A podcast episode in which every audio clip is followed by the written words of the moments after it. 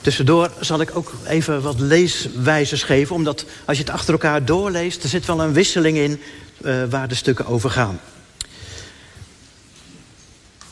Profetie. Het visioen dat de profeet Habakkuk zag. En dan begint het allereerst met een gebed van Habakkuk.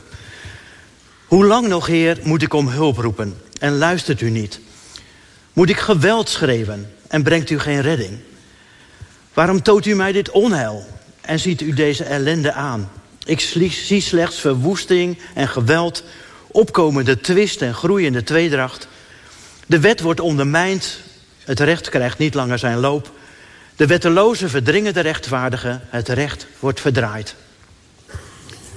En dan krijgt Habakkuk een antwoord van God. Kijk naar de volken, let goed op. Jullie zullen verbaasd zijn en verbijsterd. Er gebeurt iets nog tijdens jullie leven, iets zo uitzonderlijks dat je het niet zult geloven als het je wordt verteld. Ik laat de Galdeën komen, dat grimmige en onstuimige volk dat de hele aarde doorkruist om andermans woonsplaatsen te bezetten. Geducht en gevreesd is het. Het stelt zijn eigen wet, vertrouwt op eigen macht. Sneller dan panters zijn hun paarden, feller dan wolven in de avond. Hun ruiters komen aangestormd, van ver komen ze aangevlogen... als schieren duiken ze op hun prooi. Dat hele volk komt aangeraast, met geweld rukt het op... onstuitbaar als de oostenwind...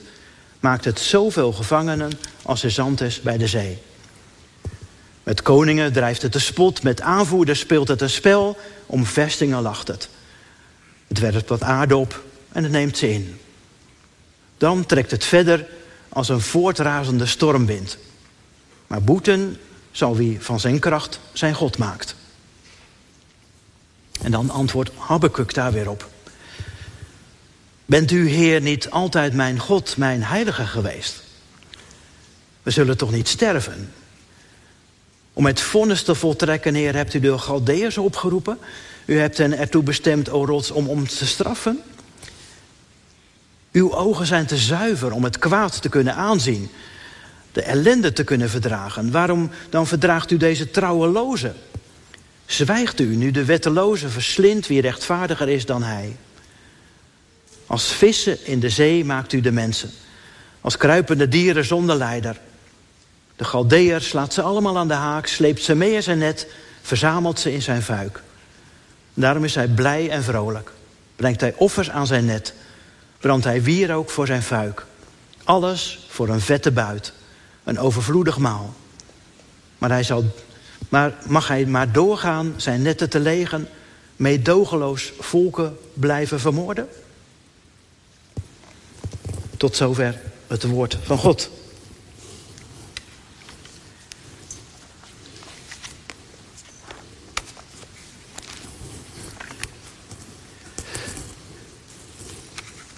Toen ik met deze tekst bezig was, kwam mij een herinnering te boven. Een oude herinnering uit 1987. Toen ik in de Kuip, in Rotterdam-Zuid, waar ik nu ook werk... bij een concert van U2 was. U2, de populaire Engelse rockband met Bono... die toen nog jong was, aan het hoofd als zanger. Ze traden daarop in, de, in het Feyenoordstadion... En die tour, de Joshua Tree Tour, waren ze gewend af te sluiten met een lied. Een vast lied overal ter wereld. 40. Ik weet niet of u het kent, maar het is een lied wat eigenlijk direct werkt met de teksten van Psalm 40. U heeft mijn voet op een rots gezet. Vaste grond onder mijn voeten.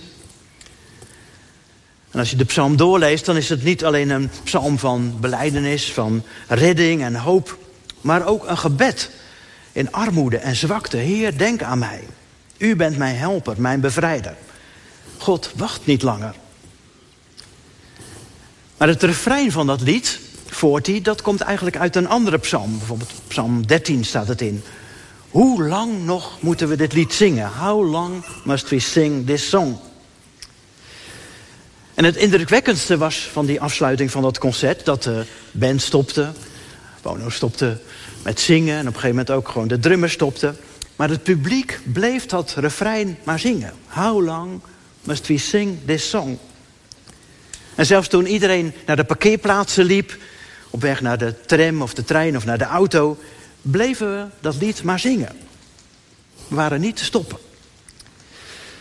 Ik vond het een fantastische ervaring om, om zo met zo'n refrein eigenlijk naar huis te gaan. Een, een lied van verlangen. Natuurlijk vroeg ik me wel af, wat, wat betekent eigenlijk deze zin, dit refrein voor al die mensen die dat lopen te zingen? Misschien waren er mensen die er helemaal niet meer nadachten, die gewoon naar een lekker concert geweest waren en wat zongen. Of zouden er mensen ook misschien wel iets bij voelen bij wat ze zingen? Hoe lang nog? Zouden ze er misschien ook het verlangen van hen in uitzingen van hoe lang nog mag onrecht en kwaad in deze wereld zijn gang blijven gaan? Hoe lang nog duurt het tot, tot, die, tot er iets nieuws begint? Dat die beloofde werkelijkheid, zelfs de beloofde werkelijkheid van God, van vrede en recht, eindelijk doorbreekt.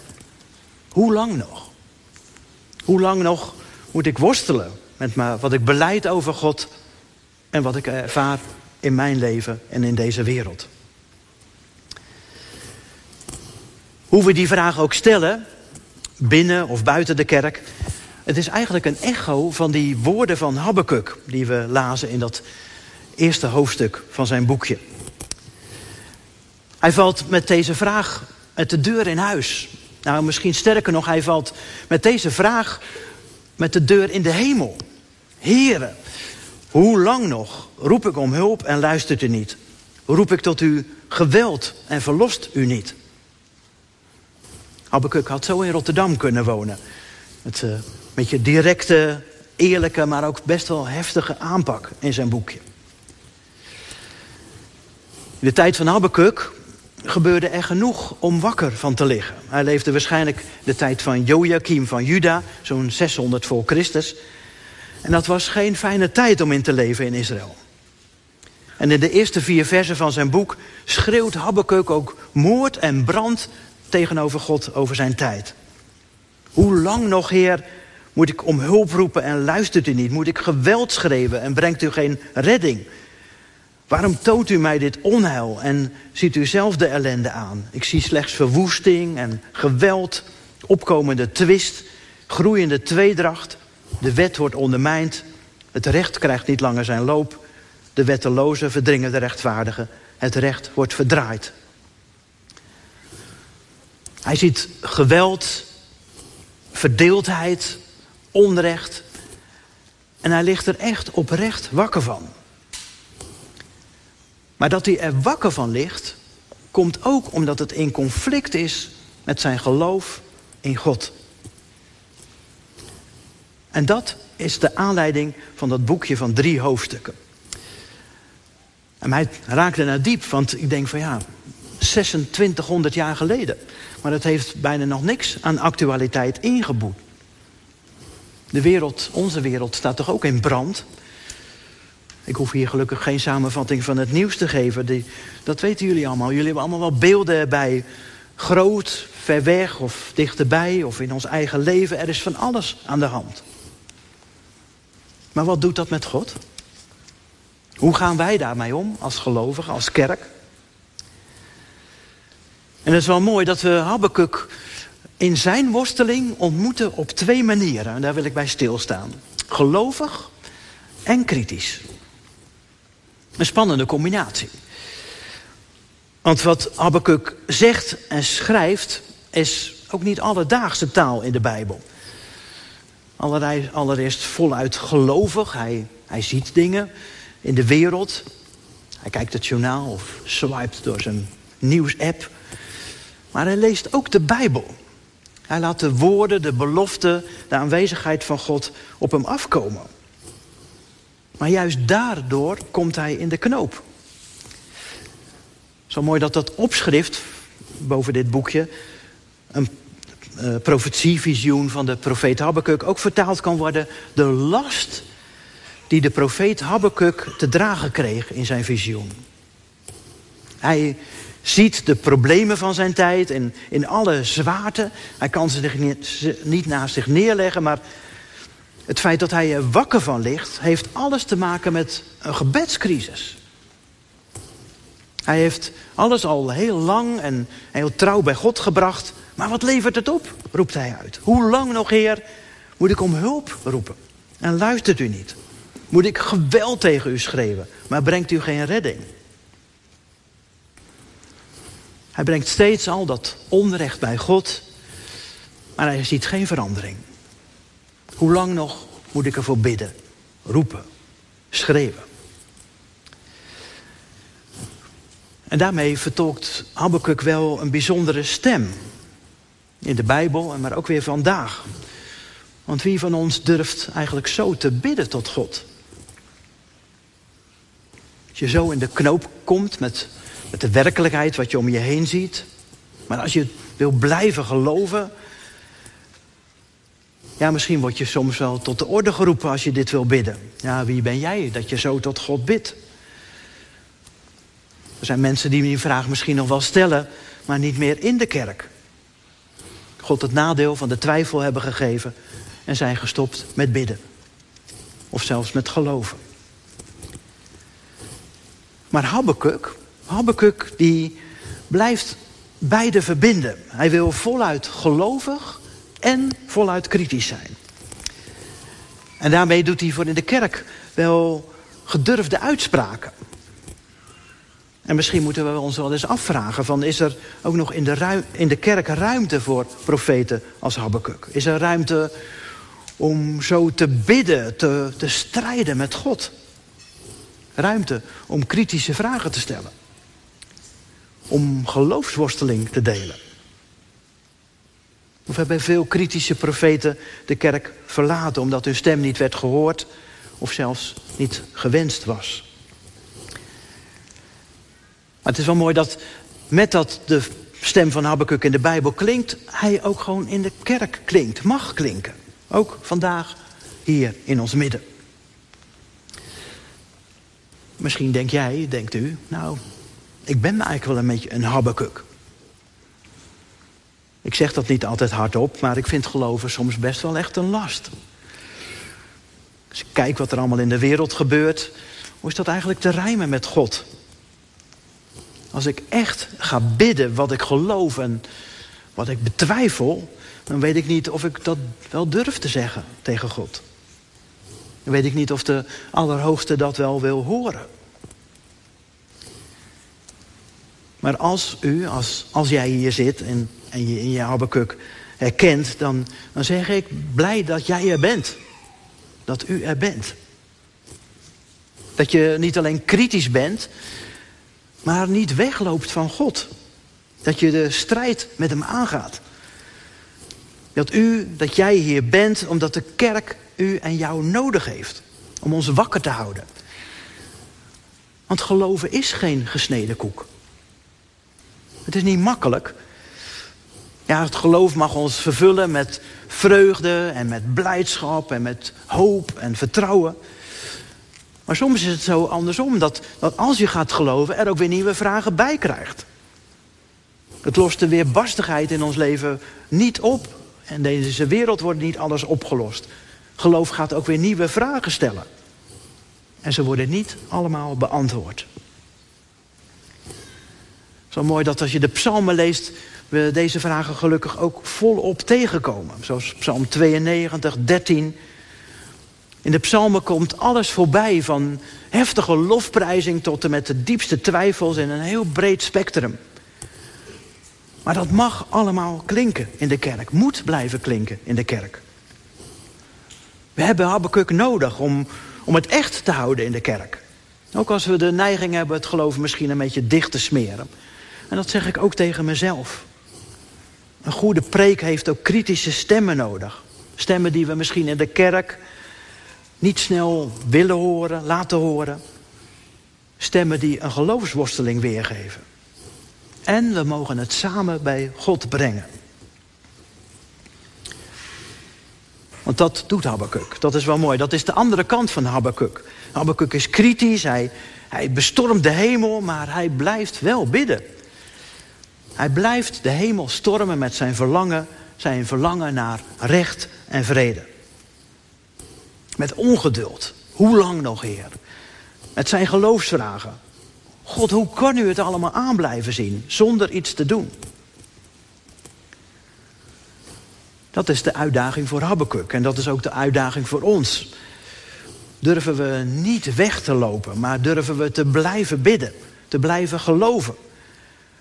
Durven we ook in ons gebed die vragen van het leven en geloven bij God uit te spreken, uit te vechten. Misschien ook wel mooi om die vragen mee te nemen, want er zijn een aantal Habakkuks die hier niet meer zijn. Die God het nadeel van de twijfel hebben gegeven. Niet meer geloven, niet meer bidden. Maar ook zij mogen ontdekken dat God hen niet loslaat. Dat ze deze vragen met God uit mogen vechten in plaats van zonder God. Maar dan wordt het nog erger in dat hoofdstukje wat we gelezen hebben. Want de spanning loopt flink op na deze eerste klacht van de profeet. In vers 5 krijgt Habakkuk het eerste antwoord op zijn gebed. En God zegt tegen hem, kijk goed om je heen. Ik ga iets doen, iets uitzonderlijks. Iets wat als je het niet verteld was, dat je het niet geloofd had. Ik laat de Galdeeën komen. Dat grimmige en onstuimige volk. En de versen erop die schilderen een geducht volk. Alles wat ze doen is gewelddadig. Ze vertrouwen op eigen kracht, ze plunderen, nemen gevangen. Ze zijn niet te stoppen. Die Galdeeën of Babyloniërs die kwamen oorspronkelijk uit de buurt van het huidige Irak. En ze waren in korte tijd uitgegroeid tot een wereldmacht daar in het Midden-Oosten. En rond 600 hadden ze de Egyptenaren een geweldige nederlaag bezorgd... en het Syrische en Palestijnse land lag voor hen open. En zo stonden ze rond 600 voor de poorten van Jeruzalem. Maar met dat Habakkuk dit hoort, breekt zijn geloofsklomp eigenlijk helemaal. En, ik lees het nog maar, want zo geweldig hoe Habakkuk dat zegt. Hij, roept het ook weer uit tot de hemel. Om het vonnis te voltrekken, Heer, hebt u de Galdeërs opgeroepen. U hebt hen ertoe bestemd, o rots, om ons te straffen. Uw ogen zijn te zuiver om het kwaad te kunnen aanzien, de ellende te kunnen verdragen. Waarom dan verdraagt u deze trouwelozen? Zwijgt u nu de wetteloze, verslindt wie rechtvaardiger is dan hij. Habakkuk kan er niet bij. Hij roept het uit, ik breng het onrecht van mijn volk bij u. Ik roep u toe om, om er iets aan te doen. En wat is uw antwoord? Veel groter onrecht. Een wreed en niets ontziend volk komt u. Laat u komen. Verdraagt u. Hoe kunt u dat nou doen? Ook al zou het effect hebben, dan is het middel toch veel erger dan de kwaal. Habakkuk kan het niet verdragen. Omdat hij van alles over God beleidt. Bent u, Heer, niet altijd mijn God geweest, mijn heilige? Uw ogen zijn toch te zuiver om het kwaad te kunnen aanzien, de ellende te kunnen verdragen. Waarom, waarom verdraagt u dan? Waarom zwijgt u? We staan hier wel naast Habakkuk. En soms delen we die vragen ook, toch? We beleiden dat God de Heer is van hemel en van aarde. Dat hij liefdevol is en rechtvaardig. We zingen daar mooie liederen over. We beleiden dat zijn koninkrijk komt. Maar hoe komt dat koninkrijk eigenlijk? En intussen bidden wij door. Hoe lang nog, Heer? Waarom verdraagt u? Waarom zwijgt u? Soms kunnen we God daar niet in volgen. Ondanks dat we geloven dat, dat God er is, moeten we met Jozef en Job en David en Paulus durven geloven dat, dat de weg van God naar zijn toekomst voor ons niet altijd te grijpen, te volgen is. Ja, wij beleiden dat God de Heer is van de geschiedenis. De Heer van zijn volk Israël. De Heer van de mensheid, van deze aarde, van ons persoonlijk leven. Maar soms zien we pas achteraf welke zegen er soms ligt in dat moment van die onbegrijpelijke dingen. Ik moet zelf wel terugdenken aan in 2015 heb ik met Kerk en Actie een reis door China gemaakt. En mij trof die geschiedenis van de, van de kerk daar. In 1949 werden alle buitenlandse, zending China, buiten, buitenlandse zendelingen China uitgezet.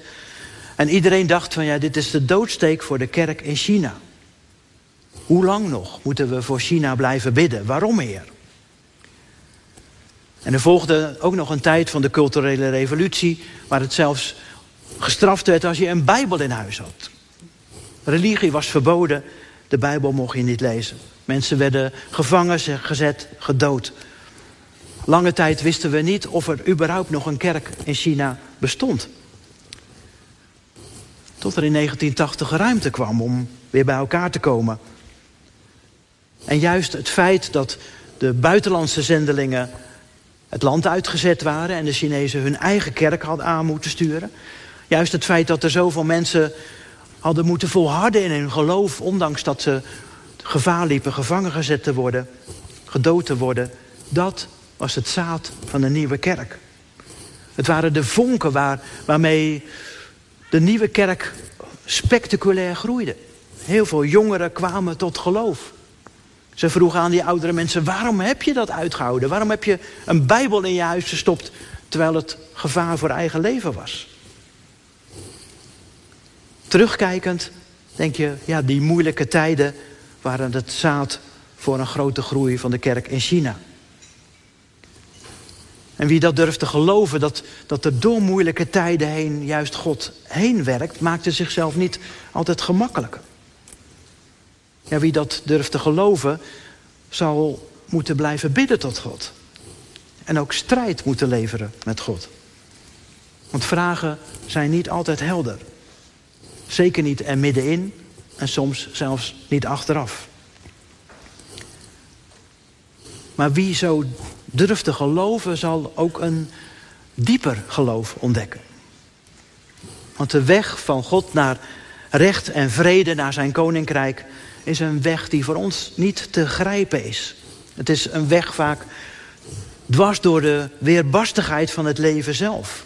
Vol geweld en onrecht, smaad en onschuldige dood. Want waar werd dat dieper en, en krachtiger voelbaar daar aan dat kruis van Jezus? Daar gebeurden dingen die we niet hadden geloofd als het ons niet was gezegd. God deed daar iets uitzonderlijks. Om recht te vinden, liet hij het onrecht onbeteugeld toe. En God zweeg. En hij verdroeg. En zelfs Jezus werd daar een habbekuk en riep uit: Waarom? Maar toch ligt daar bij het kruis de weg van God naar de toekomst. Werd daar de weg naar het koninkrijk van God gebaand brak daar aan het kruis de wereld van vrede en recht door. En vanmorgen staan wij gewoon ook nog naast Habakkuk. Weet je, met die onpeilbaarheid van het geloof bij de grote vragen van onze tijd. Maar ook met het gewicht van het geloof in God daarbij. Roept dat bij ons een worsteling op? Roept het vragen op? Ongeduld? Hoe gaan wij daar vandaag de dag mee om? Zijn wij een generatie die naast Habakkuk durft te gaan staan? Een generatie die om zich heen kijkt en, en echt oprecht leidt aan alle onrecht en geweld. En niet alleen maar als het ongemakkelijk dichtbij komt, omdat onze gasrekening omhoog gaat. Nee, als echt het onrecht en de oorlog en de, de ellende van deze wereld ons diep raakt, ver weg en dichtbij. Maar zijn wij ook een generatie die blijft zingen? Zoals iedereen wegging bij dat concert van U2, blijven zingen. Hoe lang nog, Heer? Moeten we dit lied blijven zingen? Zijn wij een generatie die blijft bidden, blijft vragen, blijft smeken, blijft vechten? Waarom nog, Heer? Maar zijn wij ook een generatie die zich vast blijft houden aan de God die leeft? aan de levende Heer die trouw is aan zijn woord. Ook vandaag nog. Aan de Heer die ons gebed hoort. Hoe lang nog, Heer? Amen. Zullen we bidden?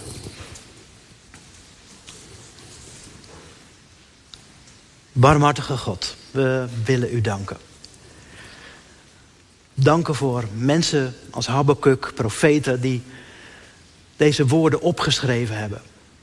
Zodat we ze met hem mee kunnen lezen. Dat we met hem mee kunnen worstelen. Dat we onze vragen herkennen.